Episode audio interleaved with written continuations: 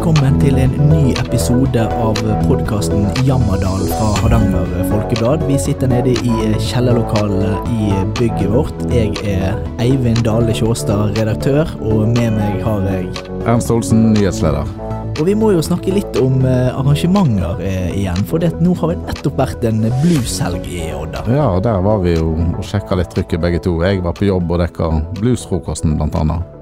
Ja, og jeg fikk med meg dette ettermiddagsarrangementet, da, som uh, har eh, blitt en liten institusjon i, i Odda, på Hardanger hotell. Jeg var rett borte og intervjua noen engelskmenn foran hotellet. De skulle på sightseeing. Eh, Da så det ganske livlig ut på altanen der. Ja, det var godt med folk, og vi hadde jo også en tidligere kollega eh, fra Hardanger Folkeblad, Helge Tverdal, med Vettrus Bluesband, som eh, var på scenen og fikk opp eh, humøret og stemningen. Popdivaen som ble kalt for av av sine bandmedlemmer på slutten av 90-tallet. Definitivt en liten diva der, ja. Ja da, Helge er en frontfigur. Absolutt. Eh, hva skal vi si om blueshelga, da? Eh, Altså, Han var kanskje større for en eh, 20 år siden. Da var det mange scener rundt i Odda. Det var telt på borte ved grillen en gang. Det var til og med Elvin Lee fra Ten Years After som har spilt på Woodstock. Det roer seg litt. Ja, jeg snakket med en del eh, som var på festival i helgen, og, og mange er opptatt av å bevare det blueskonseptet som, som har stått veldig sterkt i, i Odda. Det er jo et av de største blueslagene Ja, ja. her lokalt, blueslaget Lukst utøve, som, eh, som legger ned en, en innsats gjennom hele året. De har gjort mye for kulturlivet i Odda. Men, jeg- men jeg kan jo trygt si at kanskje at uh, aldersspennet på de som deltar på denne festivalen er nok litt høyere enn det kanskje hva det var før i tiden. Jeg har funnet sin form, føler jeg, blueshelga, da. Eh, Med de to kveldene, uh, to konsertscener, og så har Men i dag er arrangementene veldig populære. Ja, det skaper liv i sentrum. Det sa bluesgeneral Stein Egil Leger. Altså både bluesfrokosten, ettermiddagsbluesen som du var på, og seniorbluesen. Det var stinn brakka. Ja, det er veldig bra. Kan det ha noe at eh, ja, de liker å kose seg på dagen, publikum, at de er kanskje litt for slitne til å ta del i de Ja, seine nattestimer? ja når uh, mørket senker seg, så, uh, så tror jeg det er en del som faktisk uh, legger inn årene, og det gjorde jeg også. Det var, ble en relativt tidlig kveld. Ja, du var hjemme i god tid før midnatt. Ja, jeg var det, altså. Nei, men Blueshelga er, han er viktig, og det er ikke det eneste arrangementet som kommer nå i løpet av høsten. Eh, Om par uker så er det jo litteratursymposier. og Hvem tenker du på når vi nevner litteratursymposier? Det er jo vanskelig å komme utenom Frode Grytten, da, som var en av de som var med å starte opp eh, dette her. Det begynner jo å nærme seg 20 år, denne litteraturfestivalen. Så, så han er jo det, er jo det første jeg tenker på, da. Men det, det er mange forfattere som kommer fra eh, ja, både inn- og utland, så, så, så det Ja, apropos Frode Grytten, han er jo faktisk vår gjest i dag i Jammerdalen. Ja, det er han. Han er på vei til Odda nå med bussen. Ja, han er, nå, nå får jeg faktisk akkurat en melding fra Frode Grytten. Han nærmer seg. Det- det skal vi se, nå skal jeg bare inn her. Um, for han, han bor jo i Bergen, og, og her, han er på bussen nå på vei Kjører kollektivt til Odda, det er imponerende. Ja, Miljøvennlig er det òg. Her skriver han uh, Askane. Holdt på å skrive aksjene, men, men Askane, skriver han. Da er ikke han langt unna. Nei, nei. Eh, det er jo mye snakk om aksjer i Ja. disse tider, så, men han, eh, eh, da er han på Askane, så det er ikke veldig lenge før han er, er, er i Odda sentrum. Han vil sikkert bare slå ned paraplyen, for været er jo grusomt. og Kanskje ha seg en sjokolade og en kopp kaffe før han er klar for studio. Ja, vi skal gi han litt tid til å gjøre seg klar, og så er vi tilbake igjen med Det er For Grutten er ute med, aktuell med en ny bok nå. Ja, han er det. Han, eh, han Bo, og boka heter eh, Den dagen Nils Vik døde. og Vi regner med å få høre mer om det prosjektet når Grutten kommer. Og vi, vi er straks tilbake, vi, når uh, Grutten har uh, akklimatisert seg til Odda.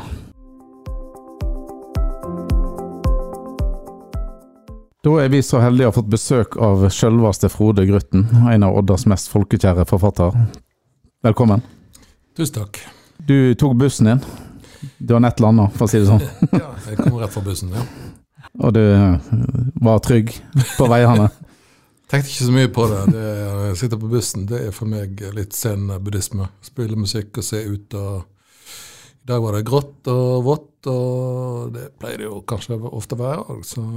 men det er òg veldig fint da, når det er sånn. Men jeg satt ikke og tenkte på at det kommer noe ras, men eh, det, det kan jo skje. Vi, vi er jo ikke vant til noe annet der inne, så Nei da, det er jo eh, ikke noe nytt. Men, men, du bor jo i, i, Bergen, eh, men er jo tidvis i Odda. Og nå når vi sitter her, så, så, er du jo med oss i studio i Odda. Og det er jo fordi at du skal eh, ha et arrangement eh, på Sentralbadet litteraturhus i, i, kveld, der du skal snakke om den nye romanen din 'Den dagen Nils Vik døde'.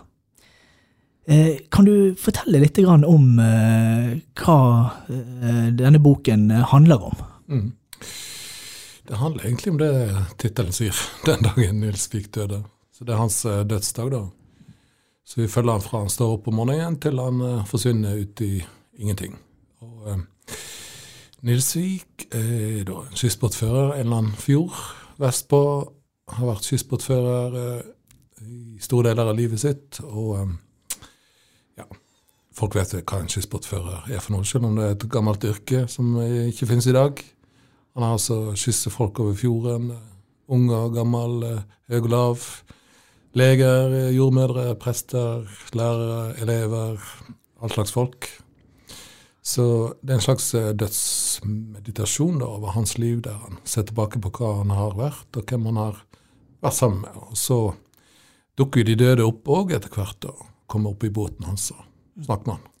Litt av tematikken også i den boken handler jo, eh, som vi har forstått, litt om, eh, om menn.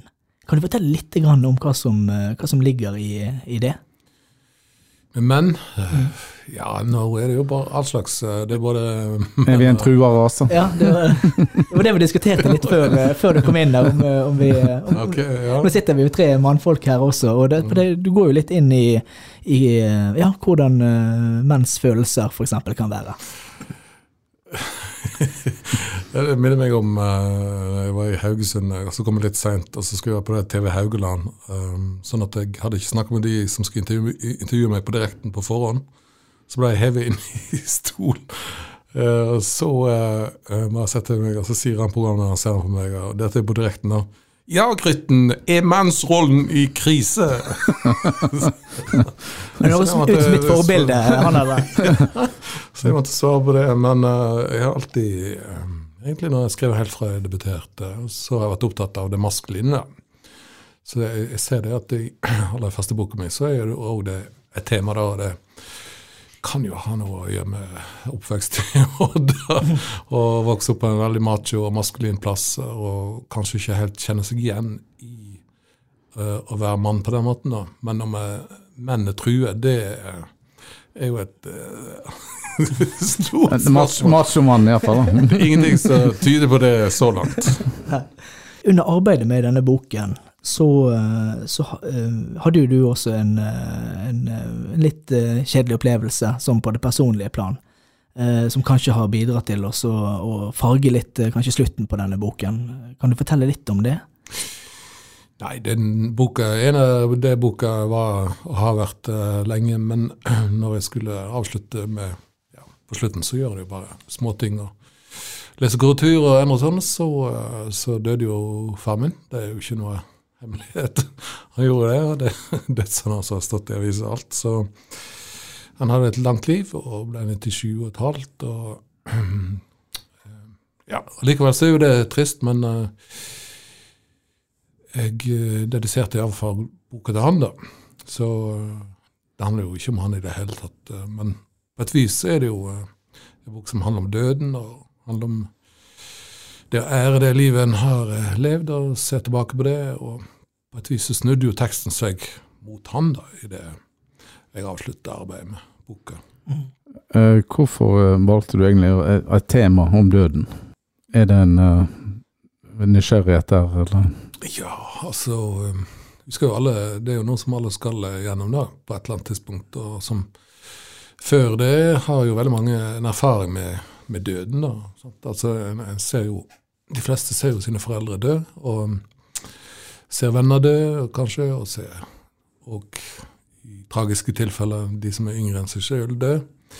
Så det er noe som vi må forholde oss til hele tida. Men um, det er ikke sånn at døden nødvendigvis er noe utelukkende trist og vemodig og, og svart. Uh, jeg tror det er de som har opplevd det, at folk dør rundt seg og kjenne på det at døden er en slags feiring av det som har vært, eller det livet som har vært. Og at en òg henter opp minner om den døde, den, det, dens liv, det som har betydd noe for en. Så, sånn at det er veldig dobbelt det når noen dør. at ja, Det er jo ugjenkallelig, og det er trist. og Du vet at du aldri kan snakke med den igjen, være sammen med den igjen, eller holde den i hånda igjen. Men, men du går jo òg gjennom en, en sorgprosess der en ser på hva den personen har vært for deg og for andre. Og så nå når vi spiller inn dette her, så er det jo rett før du skal eh, snakke litt mer om boken også på eh, et bokbad på Sentralbadet litteraturhus. Men du kommer jo også tilbake igjen på Litteratursymposiet om noen uker for annet å snakke mer om, om denne, denne, romanen. Mm. Det skal jeg. Jeg skal vel egentlig ikke Bokbadet, så jeg skal bare meg sjøl i det. da. Ja. Så det blir mer i dag blir det Gruttenshow. Gruttenshow. ja. Jeg skal bade meg sjøl. Vaske meg sjøl. Eh, vi så jo et tilbakeblikk, i spalta vi har i Hardanger Folkeblad. Jeg mener det var en litt mer blondere utgave av deg. Jeg vet ikke om du hadde bleika hår den gangen, i det bildet. Nei, Eller var du så blond? Ja, ja. Var helt Solbleket i Odda. Jeg var helt hvit i håret da jeg var gutt. Du minner meg litt om de der badboyene på 80-tallet i filmene. Ja. de var alltid blonde. ja, det var det. Men 80-tallet var jo mye bleking av hår, men eh, det, det, det, drev jeg ikke. det var all natural? Det var, ja, det var det. Der var det. Da var det 40 år siden du hadde din første Det var en diktsamling du hadde? Eh, ja. Start.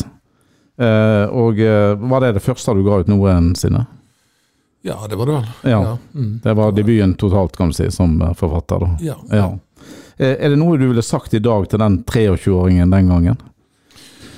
Som du veit om i dag, så du kanskje kunne tipse han om? Skriv en roman. Skriv en roman. Nei, altså jeg hadde sikkert sagt at dette slapp av, det kommer til å gå bra. Det er alt du drømmer om. Det kommer til å skje. Alt eh, du ønsker det kommer til å bli oppfylt. Eh, dette er strake veien. Nei, jeg vet ikke. Jeg, jeg var fyrt opp av uh, musikk og av punk og av um, populærkultur. Uh, ja, For den handler vel om en gutt fra barndom til ungdom? og mye rock og film ja. og diverse? Ja, det gjorde det. og Det var mye i de første bøkene. Eh, men det var mye, mye sånn kanskje glede, skriveglede i det, mer enn hva jeg visste eh, om skriving. da. At det var en slags uh, utløp for at jeg hadde veldig lyst til å skrive. At jeg følte det var noe som jeg hadde stor glede av. da. Så jeg har jo kanskje lært meg mer om skriving etter hvert. og det hadde kanskje vært fint for han som var 23 år, å vite litt mer om hva skriving var for noe, da. Men uh, sånn er det. SD må man begynne. Og det, det, var der jeg begynte. Ja, jeg angrer ikke på det. Jeg synes, um, jeg, jeg, har jo aldri lest i den boken etterpå omtrent, uh, så jeg tør ikke det. Så det er gjemt i bokhylla, altså? Ja da, den står nede i boden. Uh, ja, gjemt der nede der. Ja da, Du har jo også vært innom, innom journalistikken også, i tillegg til å være, til å være forfatter. Men de, de fleste eh, kjenner jo deg jo som en, en, forfatter, og nå aktuell da med romanen 'Den dagen Eh, Nils Wiik døde. Men du har jo også gjort en god del andre ting. Vi har sett deg på scenen, vi har sett deg i musikalske sammenhenger. Eh, de siste årene har jo vært preget av at du har eh, prøvd ut litt, litt nye ting òg. Hva er det som hva er det du har gjort i de siste årene nå som, som, som går litt utover det, det, man vanligvis kjenner deg som forfatter? Men det er jo ting som jeg har holdt på med en stund. da. Jeg har skrevet dramatikk både for DNS og Det Norske Teatret jeg har skrevet for. og det Vestnorske Teater der spilte jo eh, hovedrollen sjøl, så jeg skrev hovedrollen til meg sjøl. Vi spilte vel 45 ganger en forestilling som heter 'Djevelen og jeg'. Eh, dette skjedde jo under pandemien, så var det et under at vi både fikk lagd og spilte. Men eh, det var en veldig fin, fin opplevelse, egentlig, å stå på scenen og, og ja, egentlig være skuespiller i to timer. da. Det var på, på en måte som en rus der du bare forsvinner inn i noe og holder på. Uh, på et vis som jeg aldri egentlig har gjort. Når du kan noe så godt, så, så er det akkurat som du går inn i en annen tilstand. Og det, det ligner litt på, på, rus de gangene jeg fikk det til. da. De gangene jeg ikke fikk det til, så ligner det kanskje mer på bakrus. Men uh, sånn var det da.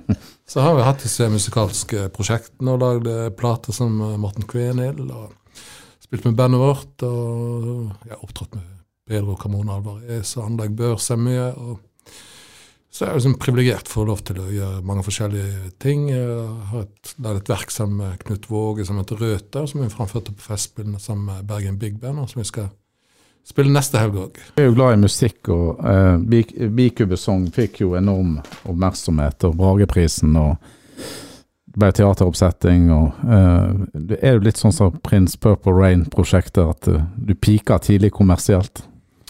At det er vanskelig å overgå det. Skulle du sett det kom seinere i karrieren? Nei, overhodet ikke. Det, det, der er jo noe som en ikke styrer i det hele tatt. Det er jo andre som styrer det.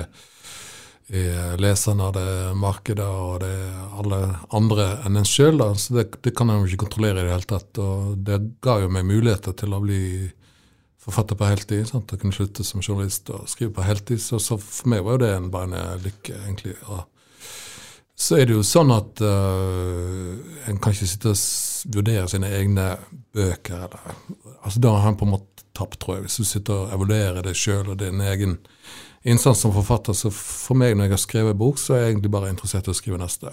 Jeg sitter ikke og tenker på ja, hvordan skal det gå med den boka, og hva skjer med den boka, og hva skjer med utenlandssalg, og hva skjer med salg og sånn. Det, det, det er jo det fine med bøker. Du vet ikke. sant? Du, med cola så kan du vite du, du kommer til å selge så og så mye, eller med hotellnæringen så kan du selge så og så mange hotellrom, eller Hardanger Folkeblad har så og så stort opplag. Det varierer nå litt, men ikke mye. sant? Men med bøker så treffer du noen ganger et publikum, og noen ganger så tenker du at du skal treffe et publikum, og det skjer ikke. og Noen ganger så skjer det. sant? Så det, det blir nå så det blir. Jeg liker best å skrive bøker, jeg, ikke gi de ut.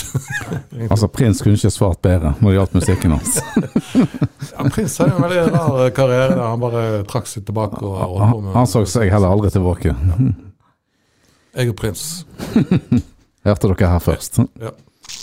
Du har jo eh, som sagt både forfatterskapet ditt og på scenen, og det er mye du, eh, du bidrar med i, eh, i, samfunnet og har gjort de siste tiårene. Men du har jo også markert deg som en, en, samfunnsdebattant. Du blir jo også brukt til og med som en form for ekspertkommentator. Nylig på Kvarteret før valget så var du invitert på en sending der som du hadde en del analyser på bergenspolitikken, blant annet. Ehm, men du har jo også markert det her lokalt i uh, Ullensvang og Odda, og, og tidvis deltatt litt i, i debatten og, og, kommet med dine synspunkter. Det ble vel skrevet en grisetakling fra Roar Lagerhaug bak fram. Du var i duell med han.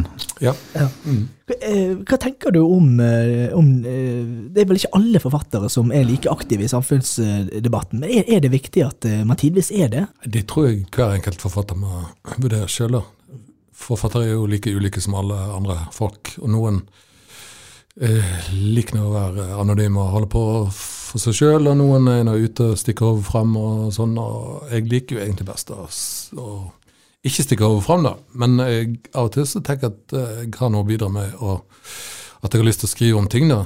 Eh, og da har jeg gjort det, og det har jo liksom vært mest eh, kanskje det du kaller for leilighetsdiktet, eller der det er hendelser som skjer i verden. så er det jo alltid et sånt behov hvis noe um, ekstraordinært eller overskridende skjer, at noen setter ord på det. da. Og det, Noen ganger har jeg jo tenkt at det kan jeg gjøre som ved 22. juli eller pandemien eller sånne ting. da. Uh, ja, og uh, flommen her i Odda skrev jeg òg om. da. Så det har jeg gjort. Jeg syns jo det at det er en del av det å være forfatter. For det at um, vi har jo tilgang til språk. da, sant? Det er jo ikke alle som har det.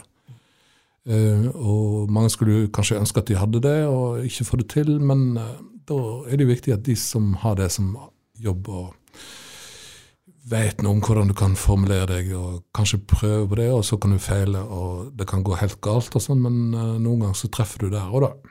Får du noen tilbakemeldinger fra det, det å stikkes litt frem, som du sier, i debattene, og i hvert fall et lite lokalsamfunn som det vi eh, har her inne med Odda og Ullensvang. Eh, hvordan opplever du det å ta del i f.eks. om det er Opo eller Gondol eller sånne mm. liksom betente saker? Er det, hvordan er tilbakemeldingen der? Jo da, men i Odda er jo alt betent, da. Så det er jo sånn Kommer det mer tilbakemeldinger herfra enn andre steder, hvis du stikker fingeren i vepsebolet? Jo, det gjør jo kanskje det, da. Men det jeg syns er leit, er jo at, at uh, hvis en skriver noe, så handler det om, plutselig om meg, da. Så at det er jo ikke min uh, hensikt å peke med meg sjøl. Jeg uh, syns ikke at jeg sjøl er så veldig interessant, men uh, noen syns jo det tydeligvis da, at det plutselig handler om meg. Og det syns jeg kanskje da er en takling bakfra mer enn eh, å gå inn i kanskje det som er saken. Og når jeg skrev om eh, Godol, så var det òg skrev om, eh, om fiskeoppdrett og havbruk, eh, som òg er en del av eh, Ullensvang kommune sitt eh, område nå. da, Og der syns jeg kanskje at lokalpolitikken tenker litt for lokalpolitisk. da. At lokalpolitikken òg i dag må ha et litt større blikk på hva en holder på med. En kan ikke holde på i hver kommune og si at ja, her har vi nok natur, og her har vi nok fjord, og her har vi nok friområde. En må òg tenke at ja, hva vil en med turisme, hva type turisme vil en ha, hva slags turister skal eh, få lov til å komme hvor, og hvor skal en, hvordan skal en tenke om natur, da? Sånn så det er jo et av de presserende spørsmålene i hele verden. Hvis du ikke eh, tenker på det, og lokalpolitikere bare tenker på penger, næring, eh, arbeidsplasser, så går jo dette helt galt. Er det forskjell på, på Bergen og Odda når det kommer til de Syns jeg alt er litt sånn eh, kontroversielt og, og delt i, i, i Odda, men er det det i Bergen også? Ja, det er det jo i Bergen. Det er jo kanskje likhetspunkter der mellom eh, Odda og Bergen. At de er steder som er veldig godt liker å snakke om seg sjøl. Altså, veldig opptatt av sin egen, eh, sin egen by. Og det er jo noe veldig fint med det, da. At en er veldig engasjert og veldig politisert. og skaper jo skarpe fronter, og det gjør jo at det kanskje er lettere å manøvrere for, eh, for velgere eller for eh, lesere og eh, folk som er opptatt av ting. da. Hvis alt er ullent og alle er enige, så blir det jo veldig klebete og kjedelig. da, sant? Og så er det jo et punkt der ting vipper over der det kanskje òg blir personlig og usaklig og altfor politisert at du ikke kommer noen vei. da, og Der har jo havna i, i Bergen med politikken. at den rett og slett stoppe opp nede på Bryggen De, eller De, sier- jo at kryssende konfliktlinjer skaper mer harmoni, men eh, eh, hvis det blir polarisert, da er det ikke utvikling. Ja, nei, det, det ser jo kanskje litt sånn ut eh, i Ullensvang, da, der du får en sånn eh, ny kommune som består av eh, veldig ulike deler, sånn som jeg ser det, da, der du har en en industriby sant? og et omland som eh, har kanskje en helt annen ja, måte å være på, måte å tenke på, som er preget av en annen kultur. da. Og så klasjer dette her litt, og så eh, er det kanskje litt vanskelig for de å komme seg videre. At de begynner å Ja, begge ønsker på et vis hegemoni. da, sant? At de ønsker at det som de, de verdiene som de står for, skal være de, eh, de viktige. Og der har jo eh, Arbeiderpartiet eh, kanskje litt, en litt vei å gå, fordi at de har vært så dominerende i Odda. At det, måten de har tenkt på om hva et lokalsamfunn er, den virker kanskje litt eh, gammeldags nå, da. At de er liksom litt parkert og får òg litt panikk, og derfor så kobler de til seg sånne prosjekter som denne gondolbanen, som ligner litt på det gamle Odda med at noe, noe er storslått og grandiost, og noe som skal natur, jeg skal vinne over naturen på et vis. Da, sant? Og um, ja, Dermed så havner de litt på bakfoten fordi de ikke har greid å styre helt utviklingen i Odda i rett retning. Du har liksom hatt 20 år på deg på den speltaktstomta. Og det som har endt ut, eller det en har fått ut av det, er liksom to utrolig stygge bygder. Sant? Og det som har skjedd der, er jo eh, andre enn eh, liksom kommunal eh, driv i da. Når vi først er inne på Ullensvang, så bare snevra det inn mot Odda, da, regionsenteret. Du flytta fra Odda i 79. og Mm. Kjenner du deg igjen når du er i Odda i dag? Ja, jeg kjenner Bortsett fra de to store nye byggene eh, my, mye har vel forandra seg, eh, altså samfunnsmessig og folkeslag òg, siden du flytta herfra? Mm. Det har det, og det har skjedd store endringer, og det er en helt annen plass. og Jeg sitter på utsida og kanskje mm, ikke helt kjenner alle kodene og måten å være, være måten på i Odda lenger, men, men eh, mye er jo det samme. da. Jeg kjenner jo igjen mye av, eh, av Odda. da. Så har vi jo plutselig blitt eh, Harry-hovedstaden i, i eh, Norge, da. Det er jo sånn nytt. som Det er bare å ta turen til sus og dus, da. at det er sånn cowboyplass, da, det, det kjenner jeg ikke helt igjen. Det, det er ikke mitt Odda, i hvert fall. Eh, Og ære være de som holder på med det og får til eh, flotte arrangement og får folk her og alt sånt. Men eh, da står jeg litt på utsiden og tenker at mm, ja, det, ikke sånn, eh, det er ikke sånn jeg tenker om Odda. da. For det blir vel cowboyhovedstaden, kanskje? så vi Det, var- det var nærmest en invasjon, vil jeg si, når det var sus og dus. Ja, ja, ja. Både bobiler og campingvogner og cowboyhatter. Så eh, jeg vokste jo opp rett ved siden av det, på andre sida av eh, eh, smelteverket. Og spilte fotball på der som uh, Lotepus nå bygger sin nye På tippen. Ja, på tippen. Det var første fotballplassen vår. det. Eh, rett og slett opp på Kabidhaugen der. Så det er jo litt, eh, litt komisk at du skal ha ei eh, stavkirke oppe på en smelteverkstipp. Det, det hadde jeg ikke kanskje sett for meg når jeg vokste opp der og spilte fotball. re- religion og Odda er vel ikke noe som henger sammen heller. Religion og Odda eh, har vært en dårlig match. Det er for, for så vidt er jeg glad for. Jeg tenker på hvor mye ja, hvor, my, hvor mye religion har ødelagt for folk rundt omkring i verden. Når du ser hvor undertrykkende religion har vært mange steder. Da. Jeg er jo veldig glad i Irland, men du ser hvordan religion har rett og slett behandlet folk eh, i irske steder. Så er jo det en undertrykkingsmekanisme, da. Så den har jo gått fri eh, her i Odda. da. Vi har hatt andre undertrykkingsmekanismer da, som er mer sosiale, tror jeg. da, sånt som ja, For å holde folk eh, på plass, som skjer på små steder. da. Det er jo kanskje uunngåelig, men vi har vært eh, lykkelig fri for eh, religion. Istedenfor at vi bygde dyret, kanskje. Ja, jo, jeg har jo det. Ja. Det er jo eh, Jeg har jo skrevet om det òg, så det, det, det fins jo her, da. Og det går jo utover en del folk, da. Så um, det var en del skjebner i bygdedyrets eh, kjølvann. Du fortalte jo litt, eh, Vi skal jo snart gå inn for, for landing her nå, men du fortalte jo litt om hvordan du jobber med eh, forfatterskapet. Når du skriver en bok, så eh, du er ferdig med den, og så vil du helst videre på neste, neste prosjekt. Nå skal jo du lansere romanen eh, 'Den dagen eh, Nils Vik døde'. Eh, er det sånn da at du allerede nå òg har hodet på litt andre prosjekter og andre bøker, eller eh, er det Må du avslutte dette si, kapittelet først? Nei, jeg må ikke avslutte eh, Altså, jeg har jo avsluttet dette kapittelet på den måten at eh, boka er jo lagd. Den fins jo. Og, Nå er det promoteringsbiten. ja, så jeg må jo leve med den boka en stund til, og, og det skal nå stå i. Jeg liker det ikke, jeg syns det er ubehagelig. Jeg har lyst til å skrive og ikke holde på med det der greiene. Jeg er ikke så glad i meg sjøl alltid, for det syns jeg blir litt lei av meg sjøl. Sitte her sånn så dette blir litt sånn Ja, ja, ja dere kan jo eh, dere kan si ha det til meg når eh, jeg går ut herfra, men jeg må liksom leve med meg sjøl hele tida. Så jeg av og til blir lei meg sjøl. men eh, jeg vet jo hva jeg skal skrive videre, og det har jeg begynt på for lengst, egentlig. For det er jo sånn når du holder på med et stort prosjekt som en roman er, så på slutten så frigjør det jo kapasitet oppi hodet, og da begynner de andre prosjektene å ta over på et vis. da.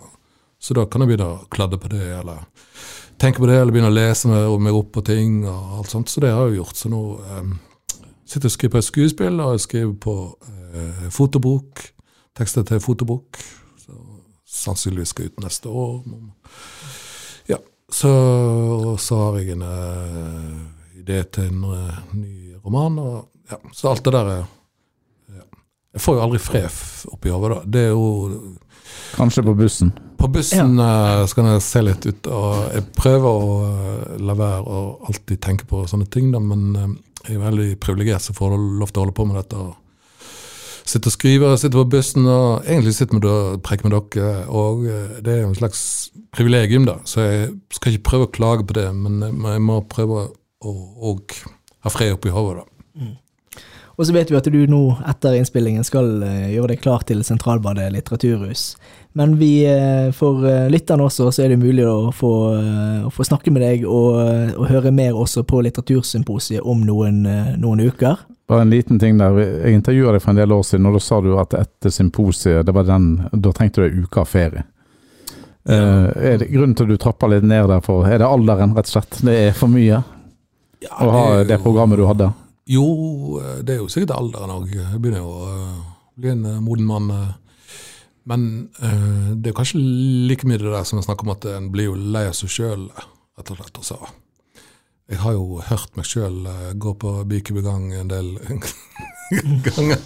Så jeg prøver å fornye meg og gjøre andre ting og alt sånt. Og, så ikke det at jeg er lei av symposiet, men jeg er litt mer lei av meg sjøl. Um, så, så er det jo um, hardt arbeid.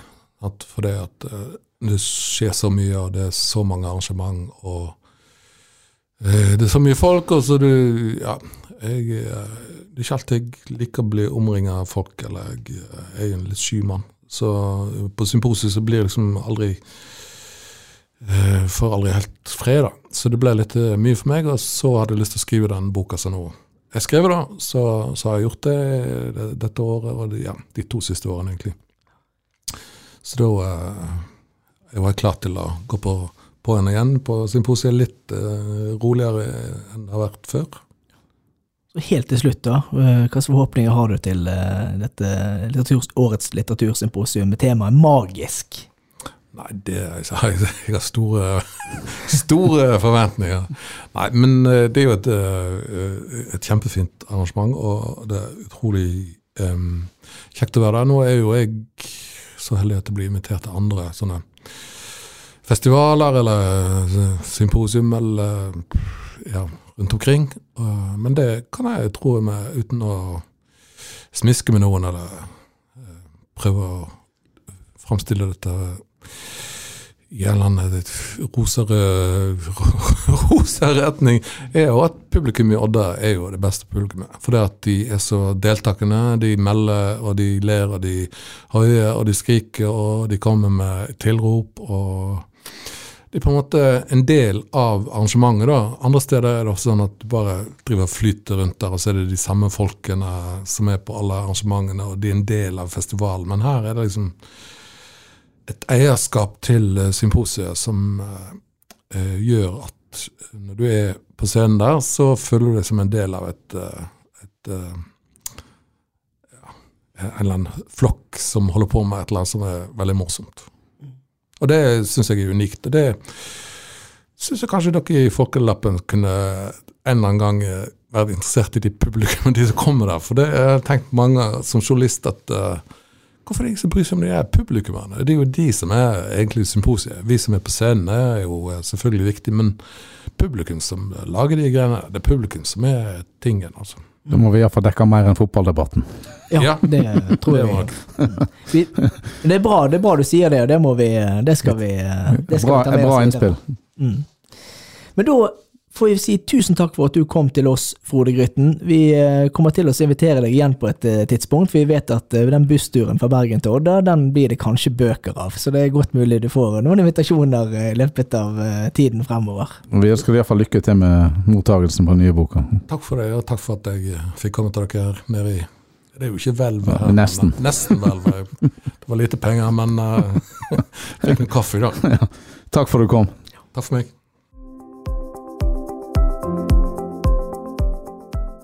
Det var forfatter Frode Grytten fra Odda vi eh, hørte der, og nå skal han eh, ta en liten tur på hotellet og slappe litt av, var det vel det han sa? Jeg skulle til å si han skal bort og ha seg en bedre middag, men det er vel litt verre på Hardanger hotell. Ja, han må vel eh, inn på en av restaurantene, men de er du til gjengjeld en god del av. Han får gå over på Bielsas bistro. Ja. De er vel åpne på denne tida. Absolutt. Ja, vi kommer til mange dagsaktuelle gjester utover høsten i podkaststudio. Det er bare til å følge med på hardangerfolkeblad.no, og på podkasten skal vi ha flere gjester utover høsten. Og Vi kommer jo heller ikke til å glemme politikken og utviklingen som skjer der. Det er jo nærmer seg konstitueringsmøte i, fra det nye kommunestyret som er 18. Oktober. Ja, så skal det være noen få møter i disse utvalgene, eh, de gamle utvalgene. Samfunn, plan og næring. Ja, gjøre sine siste møter før Tror kultur og levekår også skal ha et møte i forkant. Ja. Så da er det jo de som har veldig lyst til å se noen av de politikerne som gir seg nå, de må kjenne seg i besøkelsestid og ta turen til kommunestyresalen. Ja, kanskje litt for spesielt interesserte, men det er jo faktisk mulig å få med seg Skulle gjerne sagt at det er gode benker på galleriet, men det er det ikke. Nei. De har vi sittet på i mange, mange timer og rapportert fra politiske møter, så de kan vi ikke anbefale. Ja, ikke hvis du har vond rygg, iallfall. Nei, kanskje vi kan legge inn penger i budsjettet til neste år. En liten oppfordring til kommunen og de styrende politikerne der. Og, og en brusautomat på galleriet, kanskje. Ja, kanskje det. Eh, vi eh, er tilbake neste uke eh, med sikkert ny gjest. Og hvis dere ønsker noe vi skal ta opp, eller gjester dere ønsker å ha i studio, så bare send tips til oss på hardanger-folkeblad.no. Folk er flinke til å gi tilbakemeldinger, det har vi fått en god del av. Så vi tar imot både ris, ros og forslag til hva vi kan snakke om, og hvem vi skal invitere. Det er bare kjekt at folk tar kontakt. Da takker vi for oss denne uka. Og gjenhør.